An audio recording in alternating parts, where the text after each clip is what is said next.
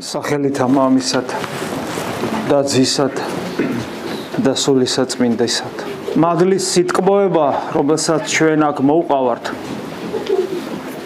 რომელიც ხშირად ჩვენი რაციონალური აზროვნების და მიუხედავად მაინც გვაიძულებს რომ დასვენების დღე გამოვიყენოთ არა ფიზიკური დასვენებისათვის, არამედ იმისათვის, რომ მოვიდეთ და ეს მადლი კვლავ მივიღოთ. თუმცა ხშირად ვერც კი ვაცნობიერებთ ეს რას ნიშნავს და რა არის. მადლის სიტყვების და მიუხედავად, რომელიც ასე გვანებიერებს ყოველი ახსარების დროს, სინანულის დროს, ზიარების დროს, უფლის ხსენების დროს, ლოცვის დროს, უფლის შემწეობის დროს, ოცა ჩვენ მას აშკარად გძნობთ ჩვენ ცხოვრებაში. და ამ საოცარი მადლის და სიტყვების მიუხედავად და რახეთ რა საოცარი სიტყვა ხო, ტკბილი, მადლის სიტყვება. ლოცვებშიც ტკბილი იესო რატომ ტკბილი? სიტყვა უძლური აღმოჩნდა, სხვა რამით გამოიხატა ის უცნაური განცდა, რომელსაც ღმერთის ჩვენს გულთან შეხება ქვია. თორე ტკბილი თაფლი ვიცით, შაქარი ვიცით, მაგრამ აი იესო ტკბილი რას ნიშნავს? მადლის სიტყვება რას ნიშნავს? ენა ვერ იტევს, ენა უძლურია, ვერ გამოთქვავს. მაგრამ ჩვენ ასე ვუწოდებთ მას, იმიტომ რომ რაღაცა კარგია, რაღაცა ბედნიერება, რაღაცა სიხარულია და ამას მორწმუნე გული განსაკუთრებულად განიცდის. და აი, მიუხედავად ამ ყველაფრისა, რომ ჩვენ განცდელნი ვართ მადლის სიტყვებისა და ამიტომ ხართ თქვენ აქ. ამიტომ ვართ ჩვენ აქ. რომ არ განვიცდიდეთ ვერავინ, ვერანაირი ლოგიკით, ვერანაირი ძალდატანებით, ვერანაირი ახსნით, რომ ჩვენ გონებას რაღაცა გააგებინოს, ვერ გვაიძულებს, რომ ეკლესიაში ვიაროთ. და მიუხედავად მადლის სიტყვებისა, არის კიდევ ერთი რამ, ჩვენს მიერ გაცნობიერება იმისა, თუ აქ რატო ვარ და რას ვაკეთებთ. უნდა გითხრათ, რომ მადლი, რომელზეც ჩვენ საუბრობდით აქამდე, დაუმსახურებლად გვეძლება. ჩვენ არ ვიმსახურებთ ამას. ჩვენ არ ვიცით ეს რა არის. აი როგორც პატარა ბავშვებმა არიციან და ინტუიციურად შობლების სრულით მოდიან და ვერისვენებენ ერთ ადგილას წრიალებენ, იმიტომ რომ რა თან აქვთ რაღაც განცდა, რომლის გამოც არ გარბიან და მოყვებიან. მაგრამ როგორც კი მათი რაციონალობა ჩაირთვება, რომ გაიზდებიან, იმ წამს ეკითხები გაუჩნდებათ, ბუნებრივია, რატომ მოვდივარ, რატომ უნდა ფიზიკური სხეული, რატომ უნდა ვაწვალო?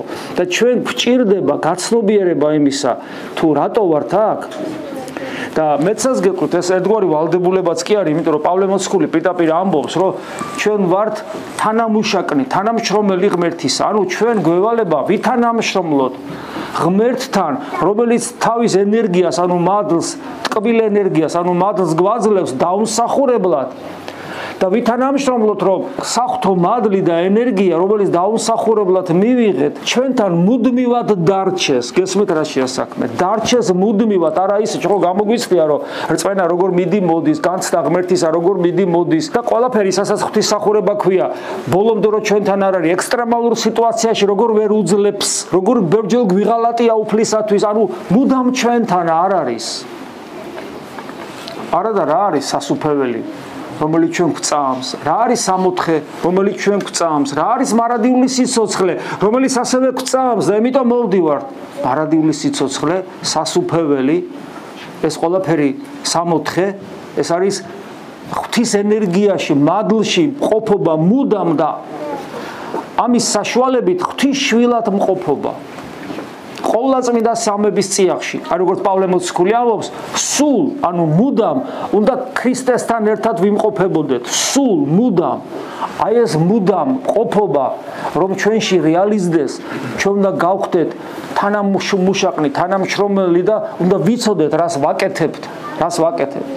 როგორც კი ამას მოვინდომებთ. ამავე დროს როგორც კი რაციონალურად როგორც კი ამას მოვინდომებთ. ამავე დროს როგორც კი მოვინდომებთ გავიგებთ რა რა უნდა ღმერთ ჩვენგან, საიდან ვიცით რა უნდა ღმერთ ჩვენგან? რა საინტერესოა? საიდან ვიცით ღმერთს რა უნდა ჩვენგან? ჩვენ გვწამს რომ ღმერთი ადამიანად მოვიდა ჩვენ გვწამს რომ მან თავისინება გამოხატა ადამიანური სიტყვით ჩვენ გვწამს რომ ეკლესიამ რომელიც მისი მისტიკური სხეულია როგორც პავლე მოციქული ამბობს შემოინახა მისი სიტყვა დღევანდელ დღემდე და მას ეწოდება ახალი აღთქმის ციგნები სახარება და მოციქულთა წერილები. ეს არის ჩვენი რწმენა ჩვენი რწმენა ამას უცილობლად ეფუძნება და ჩვენ გვწამს რომ ღვთისნება განცხადებულია ჩვენთვის ვერბალურად წერილობით. და ჩვენ ვიცით რა არის ღვთისნება უფრო სწორედ ალბათ სწორი იქნება უნდა ვიცოდეთ რა არის ღვთისნება და შესაბამისად ცხოვრობდეთ. რატო ღვთისნების შესაბამისად არ ჯობია ჩემი ნებით ვიცხოვრო ადამიანი იტყვის ჩვენი ნებელობა ჩვენი ბუნების ენერგია. აბა გაიაზრეთ, გავიაზროთ ერთად რა სურს ადამიანის ხორცს ისეთი რომელიც ღმერთს მოეწონება. მე მეეჭება რამე იყოს ჩვენში ისეთი რაც ღმერთს მოეწონება. ჩემ სულს ეგების სურდეს რაიმე ისეთი რაც ღმერთისათვის სათნოა. არა, ჩემო კარგებო, იმიტომ რომ ჩვენ ისეთი ეგოისტები ვართ, ანგარებიანი, შურიანები, უსიყვარულონები, ამპარტაუნები, თავდაჯერებულნი.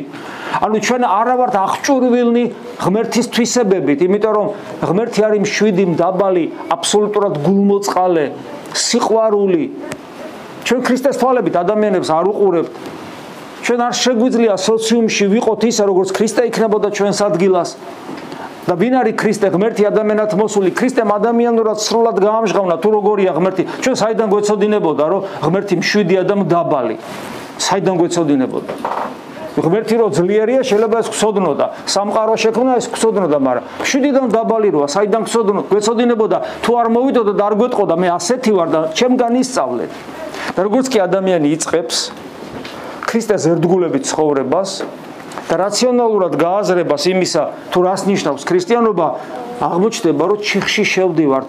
მივხვდებით თეორიულადაც, რომ ბევრი არაფერი გვესმის, დღეს მაგალითად უდიდესი საიდუმლოება ახსრულდა, რომელიც თქვენში შემოვა, ეხლა ზიარების საიდუმლოება და ჩვენ ეს რაციონალურად არ გვესმის რა არის? ჩვენ არ გვესმის რა არის ჩვენი თავისუფლება და რაში გამოვიყენოთ, არ ვიცი, რაციონალურად, რაც მეტად ჩაუღმავდები, უფრო მეტად არ გვესმის. ჩვენ ვერ ვახერხებთ სოციუმში მოვიქცეთ ისე, როგორც ქრისტე გავალდებულებს, იმიტომ რომ უფალი პირდაპირ ამბობს, რომ მე იმას წამვარ, იმას უყვარ ვარ, ვინ ჩემ ცნებებს აღასრულებს და ვერ ვასრულებთ, როგორც კი მოვინდომებთ, ყოველთვის დამარცხებულები აღმოჩნდებით. და ხვდებით რომ უნარონი ვართ. უნარონი ვართ. შევასრულოთ ვისაც ღმერთი გავალდებულებს როცა ჩვენი გივირწმუნეთ როცა ის ადამიანად მოვიდა აი დღეს сахарებაში აღმოვიკითხეთ. ისეთი უცნაური რამე და საერთოდ сахарება მინდა გითხრათ რომ არის ჩვენი გონების ჩვენი მიწიერი გამიწიერებული გონებისათვის парадоксალური რამ არის იმიტომ რომ ისეთ რამეს გვეუბნება მუდამ რაც ჩვენ არ მოგწონს. აი сахарებაში, сахарებაში გულისხმობს сахарებასაც და მოციქულთა წერილებსაც. ვერ ნახავთ ვერცეთ ადგილს. ჩვენმა გაცემულმა ბუნება მიიღოს და კომფორტის ზონიდან არ გამოგვიყვანოს. ჩვენ კომფორტის ზონაში გვინდა ვიყოთ, რელიგიას გვინდა მოვირგოთ, მაგრამ ყოველი სიტყვა წმინდა წერილისა გვაიძულებს რომ ამ კომფორტის ზონიდან გამოვიდეთ. აი დღეს რასაც წავიკითხეთ, რაც წავიკითხეთ. ისეთი რაღაცებს გთხოვს უფალი პირდაპირ გამოოგნებელია. ანუ გვეუბნება რომ ისე მოიქეცი ცხობს როგორც თქვენ გინაც მოგექცნენ. ჩვენ ესე აი რომ როგორც კი კარგად ჩაუღმავდები აღმოაჩენ რომ სულ პრობლემა ამ ცნებასთან დაკავშირებით. მე გაშლის კიდევაც უფალი ამ ცნებას და მათ შორის გვეუბნება იმას რომ როგორ რომ ტერიც რა უნდა გიყვარდეს და ასე სხვა იმასაც კი ვის ვინც იცი რომ არ დაგიბრუნებს და ასე შემდეგ და ეს სხვადასხვა ადგილას სხვადასხვანაირად არის გაშლილი ანუ ჩვენ თუ ბიოლოგიური არსებანი ვართ რომელიც თვით გადაჩენის ინსტინქტით უნდა ცხოვრობდეს ჩვენთვის როგორც ამ ქვეყნიური არსებებისათვის აბსოლუტურად მიუღებელ რაღაცას გვთავაზობს. უფალი და გვეუბნება რომ ეს არის ჩემი ნება. და მე უცნაურ რაღაცას გვეუბნება. იყავით ისეთი სრულყოფილი და ისეთი მოწყალენი სხვადასხვა ადგილას სხვადასხვანაირად ამბობს. დღეს აღმოვიკითხეთ მოწყალენი. სხვაგან წერია რომ სრულყოფილი როგორ ზეციური მამაა სრულყოფილი. ანუ ნახეთ რას გვეუბნება უფალი რომ აი შენ თეოდორე უნდა იყო. იმას კი არ მიადარო იმას კი არ მიადარო. ხა ადამიანი რო ღორებში აცხოვრო და ღორებს უყუროს ყოველდღე რა თქმა უნდა თავი ანგელოზი ეგონება. მაგრამ ნახეთ რას გეუბნება რას უნდა შევედაროთ? ჩვენი ათulis წერტილი სად არის? ათulis წერტილი რის მიხედვით აფასებ შევაფასო ჩემი მდგომარეობა და აღმოჩნდება საოცრება აბსოლუტურად მიუღწეველი. ისეთი სრულყოფილი იყავი და ისეთი სრულყოფილი ზოგადია, ნახეთ, ღვთის გამოცხადება ითვალისწინებს ჩვენ ზაკრობას. ისეთი სრულყოფილი იყავი როგორც ღმერთია. ხო, ისეთი სრულყოფილი, ხო, რა ვიქნები ადამიანი თქვის. მაგრამ მე დღევანდელ სახარებაში დაგვიზუსტა, ისეთი მოწყალე იყავი როგორც ღმერთია. ანუ ადამიანს სამართა ადამიანზე, თორე მოწყალება ადამიანის მიმართ არის გამოვლინებული და აღმოვაჩენ რომ არ შემილია ამის გაკეთება. არ შემილი. მე პავლე მოციქულის ეპისტოლე წავიკითხეთ.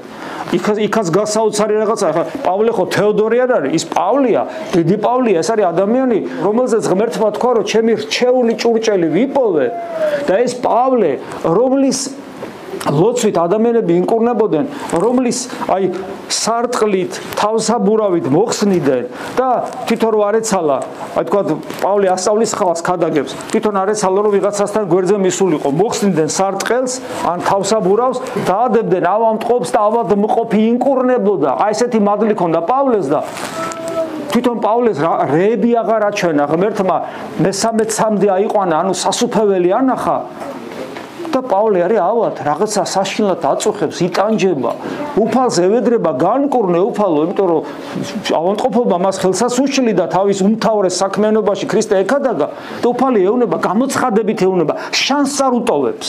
მე შენ არ განკურნავ ეუნება. წარმოგიდგენიათ რა საოცარი რამეა. და მე ეუნება უფალი რომ ჩემი ძალა უძლურებაში განსრულდება ანუ სრული ხდება უძლურებაში და მე პავლე მოციქული უფალს ამართლებს ჩვენს თვალში რომ ამპარტამებაში ვარ ჩავარდი ამიტომ უფალი არ კურნავს და მიტოვებს ამ უძლურებას რომ ახსოვდეს რომ მე ღმერთის გარეშე არაფერი ვარ. სხვა ადგილას იტყვის მე ნაგავი ვარ უბრალოდ არაფერი ვარ. ყველაზე ცოდვილი ვარ პავლე მოციქული ამბობს. და უძლურებაში ვლინდება ღვთაებრივი ძალა. და პავლე იტყვის დღეს წავიკითხეთ როცა უძლური ვარ ქრისტესთვის მაშინ ვარ ძლიერი. აი ეს პარადოქსალური აზროვნება რომ ესე იგი ღმერთივის სრულყოფილი უნდა იყო. ბიოლოგიური არსებობის საწინააღმდეგო თვით გადარჩენის ინსტინქტის საწინააღმდეგო უნდა გიყვარდეს მტერისკი და ესე იგი ადამიანი იცი რომ არ დაგიბრუნებს ვალს და მაინც უნდა ასეს ხო და აბსოლუტურად მიუღწეველი ადამიანს ამის გაკეთება არ შეუძლია. ანუ ჩიხში შეყავ ხარ ღმერთს ისეთ რამეს გავალდებულებს ჩვენ რო ვეუნებით იყავ ნებაშენი მამაო ჩვენოში ჩვენ ხო ნაკლებად ფიქრობთ ამას იყავ ნებაშენი ადამიანი როყიოთ ამბობ ხოლმე. ამაო ჩვენო რომელი იყავ ნებაში ერთხელ მაინც რო დაფიქრდე რას ვთხოვ რა? რას ვთხოვ? ვიყავ რა არის ნება? ანუ მე ვამბობ რომ ჩემი ნება კი არა რომელიც აი ბიდრეკილია მიწიერი ინტერესებისადმის არამედ შენი ნება რეალიზდე ჩემში აი ბატონო ღვთისნება. და არც ვეკითხები საკუთარ თავსაც არათუ ღმერთსაც არ ვეკითხები და როგორც კი ამ ლოცვას ვამთავრებ გარეთ გავდივარ სუ ჩემი ნებით ცხოვრობ ჩემი სიტყვა ტყუილია ფარისეულობა გესმით რა რა მდგომარეობაში ვართ. იმიტომ რომ რაც თავიდან გითხარით არ ვიაზრებთ არ ვიაზრებთ რა გწამს. როგორც პავლე იტყვის მე მე ვიცნობ მას ვინც ვირწმუნე და ღმერთის მცნობელობა ღმერთთან ურთიერთობას ნიშნავს და ღმერთის მცნობელობა და ღმერთთან ურთიერთობა არის მარადიული სიცოცხლე. ეს არის ჩვენი ვალდებულება და ამიტომ ჩვენ უნდა დავფიქრდეთ რას ვამბობთ ყოველი ლოცვის დროს. იგივე მამაო ჩვენოში. მამაო ჩვენო როყიოთ ვიტყვით мама, мам, ვის ვეუნები მამას? და თუ ის ჩემი мама მე ვინ გამოდივა? და მე როგორ მე მეტყობა რა მე რო ღვთისშვილი ვცხოვრობ და ასე შემდეგ. და აი, როდესაც ჩიხში შევდივარ და ვაღმოვაჩენ რომ უბრალოდ შეუძლებელია ჩემთვის ქრისტეს ვუერთგულო და უფალის სიტყვებიც მახსენდება მე ჩემს garaში არაფერი არ შეგიძლიათ. ხო ამობს ბრავლობიჩი და მე უნდა განმუკუთვნო საკუთარ თავს. თეოდორე ჩემს garashi არაფერი არ შეგიძლია მეუბნება. და პარალელურად იცით რა მახსოვს? რომ ჩემი დღეები წუთები დათვლილია. ჩვენ ხო დავიბადეთ მაშინ ხო მაშინვე ხო წამზომი ჩაირთო. და ეს წამზომი მრავალ ჩვენგანის ცხოვრებაში უკვე ხო ძალიან მრავალი გაიარა ამ წამზომმა. და როდის ფინალი როდის იქნება მე ხო არ ვიცი. და მე ხო ვიცი რომ უნდა გარდა ვიცვალო და მე ხო ვიცი რომ უნდა პასუხი ვაგო იმიტომ რომ მე ხომ წამს, რო არ მწამდეს ხვარი, მე ხომ წამს, რომ პასუხი უნდა ვაგო ღვთის წინაშე. და თუ მგონია, რომ კარგი ვარ და ამიტომ პრობლემა არ მაქვს, როგორც ჩავიხედები გამოცხადებაში და ღვთისნება არის განცხადებული. დღევანდელი სახარება და სამოსიქულოც კი საკმარისია, რომ დავფიქრდე. დავფიქრდე, რას ნიშნავს, რომ უძლურებაში ვლინდება ძლიერება ღვთისა და რას ნიშნავს, რომ ღმერთივით გულმოწყალე ვიყო და მე შევხედავ ჩემ თავს და ჩემი თავი მაშინ მომწონს, როცა უძლური კი არა, ძლიერი რო ვარ და ჩემი თავი მაშინ მომწონს, როცა ყოველას თავის ადგილას დავაყენებ. გესმიდა, უცებრო დავინახავ ჩემსა და გამოცხადებით მიერ მოცემულ როგორი უნდა იყოს ადამიანი ამას შორის შეუსაბამობას. მე რო დავიწყებ შესაბამის ცხოვრებას და აღმოჩნდება რომ მარცხდები მაშინ ხვდები რას ნიშნავს სიტყვა მეტანოია ანუ სინანული რაც ბერძნულად ორიგინალ ენაში სახარებისა მეტანოიას ნიშნავს რომელიც ნიშნავს თურმე რომ ჩემი შემეცნების უნარი ანუ გონება ჩემი შემეცნების უნარი გონება 180 გრადუსით უნდა მოტრიალდეს და აბსოლუტურად განსხვავებულად უნდა ვფიქრობდე ვიდრე ჩვეულებრივად ადამიანი ფიქრობს. მე აღმოჩნდება ისიც რომ იყო ქრისტიანი ნიშნავს არა იმას რომ რაც იყავ იმაზე უკეთესი გახდე. არა არამედ ნიშნავს რომ სხვა ქმნილება სხვა არსება უნდა გახდე ამას წმინდა წერილი პირდაპირ მეუნება სხვა ქმნილება უნდა გახდე ახლიდან უნდა დაიბადო და აღმოვაჩენ რომ დრო ძალიან ცოტა მაქვს. იმიტომ რომ დრო ხო არ ჩერდება დრო ხო მიდის და ჩემი ბიოლოგიური საათი ხო ჩართულია. ხოლო ჩემი ღვთის სადმი ერთგულების სწავლაში სწავლის საქმე და ჩემი ღვთისადმი მიახლოების საქმეში დრო ძალიან ნელა გამდის ვერ ნაბიჯსაც ვერ ავგავ ხანდახან და აი მაშინ ჩდება ადამიანის ცხოვრებაში ნამდვილი სინანული. ნამდვილი შემოსრულება გულისა და ნამდვილი შიში ღვთისა, არა ის შიში, რომ თუდად მოვიქეცე და დამსაჯეს, არამედ შიში ღვთისა იმისა, რომ მე შეიძლება დავკარგო ღმერთი, რომელიც მომეცა, რომლი რომელთან ყოფნის შესაძლებლობა ერთჯერადად მომეცა, დავიბადე და ჩემი არჩევანი უნდა გავაკეთო, ჩემი არჩევანი უნდა რეალიზდეს. და ამის ყველაფრის მერე მახსენდება, რომ რა ტკბილია იესო, რას თავიდან დავიწყეთ. და მიუხედავად ამ სიზნელეებისა, მახსენდება ის სიტყვება, რომელმაც მას საერთოდ მომიყვანა რწმენაში, რომელმაც ძალიან ბევრი განსასწრებიდან გამომიყვანა, ბევრი გაჭიროებიდან, ბევრ გაჭიროებაში შემეწია, რომელიც პერიოდულად ჩემთან მოდის და აბსოლუტურად გამოუცნობლად, აბსოლუტურად უმიზეზოდ სიხარული და მადლით მავსებს და ეს ყველაფერი მე მაფიქრებინებს, რომ მე მგონი მე მას უყვარ ვარ. და მე წმინდა წერილის მეუბნება რომ როგორ არ უყვახრა თეოდორე ქრისტეს ის ღმერთს ხო ის შემთთვის ადამიანად მოვიდა და მოკვდა და შერაც საშინელებები ჩაგიდენია. არაფერზე პასუხს არ აგებ. აი მე რაც საშინელებები ჩამიდენია?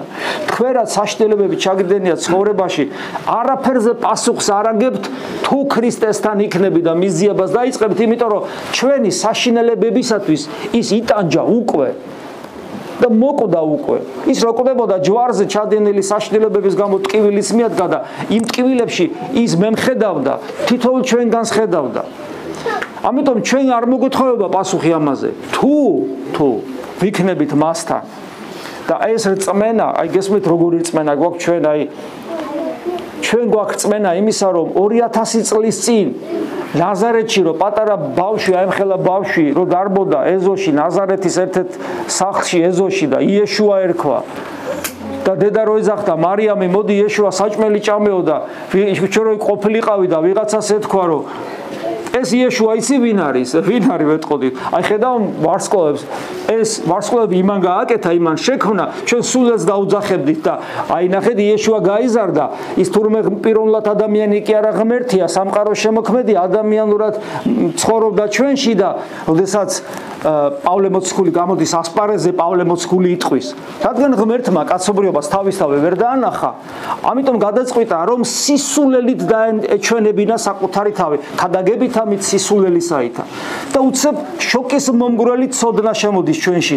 ღმერთი რომელიც არის და რომელიცაც ჩვენ ყურადღებას არ ვაქცევ და მას არ უჯერებთ არაფერს ის ადამიანად მოვიდა და ჩვენთვის მოკვდა ღმერთი მოკვდა. აი შოკის მომგვრელი ცივისყლის გადასხმა კაცობრიობაზე იყო განმაპირობებელი იმისა, რომ მრავალი ადამიანი გამოფხიზლდა. და საერთოდ წმინდა მამები ესე გვასწავლიან, თუ ადამიანს არ აფხიზლებს ღმერთის ადამიანად მოსვლა და შენთვის კონკრეტულად ადამიანო მისი სიკვდილი თუ თვითონ ეს აიმგვარად დაალაგებული სიტყვები, ამგვარად გადმოცემული აზრი.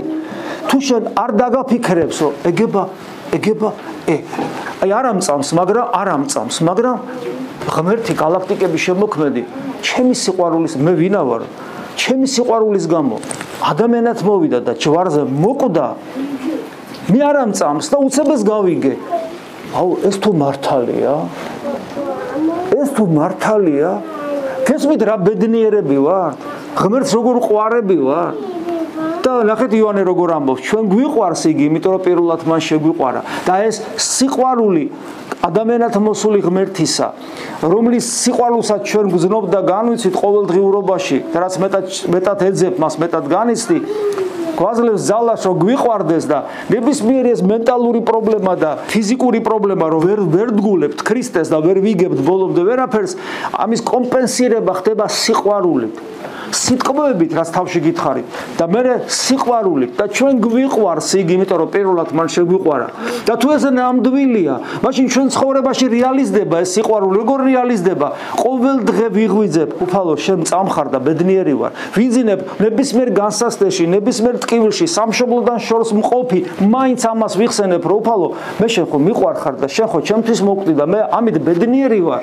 ეს მით ადამიანი ესე ცხოვრობს. მე მე ადამიანი ერთგულებს ყოველდღიურობაში მეზობელმა დაუმღვირა იქ მანქანა რაღაცა ცუდად გადაუჭრა იქ და მიუხედავად ამისა რომ უნდა რომ ბუნებრივად დაუმღვიროს მაგრამ გახსენდება რომ უფალო შენ რა გააკეთე ჩემთვის და შენ მარადიული სიცოცხლის პერსპექტივა მომეცი და არა უჭის რაც ხდება ყოველას ვაპატიებ შენი სახელით და იწყებს ადამიანი ქრისტეს სახელით ცხოვრებას ქრისტეს სახელით მიმტევებლობას ყველა ადამიანის სადმი განუკითხელობით აღივსება, როგორ გჭირდება ჩვენ ეს ქართველებს ერთმანეთს არ განვიკითხავდეთ და ერთმანეთი გვიყვარდეს. ჩვენი ჩვენი ეროვნული გადარჩენისათვის არის, თქვენი თქვენი აქ მყოფების ფიზიკური გადარჩენისთვის არის ეს საჭირო. და აღმოჩნდება, რომ ქრისტეს თუ ერდგულებ, მაშინ თქვენ გადარჩებით, როგორც ადამ ინდივიდები, როგორც ერის წარმომადგენლები, როგორც ქართველები, თქვენ გადარჩებით თუ ქრისტეს ერდგულებთ. გესმით რა მხელა ძალაა ქრისტეს ერდგულება, იმიტომ რომ ერთიანობის ძალას მოგცემ.